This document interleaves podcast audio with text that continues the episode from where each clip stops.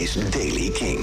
Vandaag begint de dag met veel bewolking. Het blijft droog. In de loop van de dag gaat de zon ook schijnen. Het wordt 11 graden op de Wadden tot 15 in Limburg. Nieuws over Metallica, Noel Gallagher en Ozzy Osbourne. Dit is de Daily King van vrijdag 29 april. Michiel Veenstra.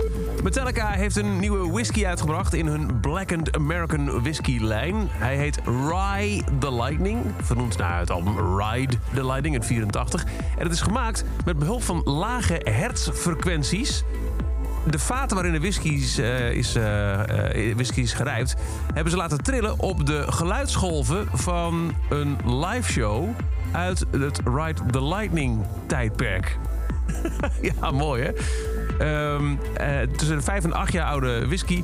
Gerijpt in Madeira-wijn en Caribische rumvaten. Zo'n 2 tot 14 weken elk. En dus inderdaad getrild op de lage tonen van een concert uit 1984. Noel Gallagher heeft wat meer verteld over het aankomende High Flying Birds album... zonder te vertellen wanneer het uitkomt. Hij liet op nieuwjaarsdag al een demo horen. Trying to find a world that's been and gone. Heel veel, uh, ja, heel, heel rustige balladen. En nu heeft hij gezegd dat uh, het een van zijn beste albums ooit wordt. Er staat ook een nummer op, zegt hij, met, ja, wat voor heel veel mensen al kippenvel heeft opgeleverd. Behoorlijk orkestraal. Een beetje zoals de film Midnight Cowboy uit 1969. Maar zegt hij, het is ook een beetje de vibe van het hele album. Er komen tien nummers op. Zes ervan hebben strijkers. En Ozzy Osbourne is positief getest op het coronavirus. Zijn vrouw en manager Sharon Osbourne vertelde dat in tranen op de televisie in de UK. Ze zegt, het gaat oké met Ozzy, maar maakt zich wel ernstig zorgen. Ozzy zelf zei eerder al, tijdens de pandemie... dat uh, als ik ooit corona krijg, zegt hij, dan ben ik fucked.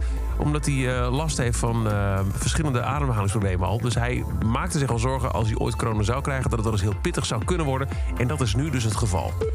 Tot over deze editie van de Daily Kink. Elke dag een paar minuten bij met het laatste muzieknieuws en nieuwe releases. Wil je nou niks missen? Luister dan elke dag via de Kink-app, kink.nl... of waar je ook maar naar podcast luistert. Elke dag het laatste muzieknieuws en de belangrijkste releases in de Daily Kink. Check hem op kink.nl of vraag om Daily Kink aan je smart speaker.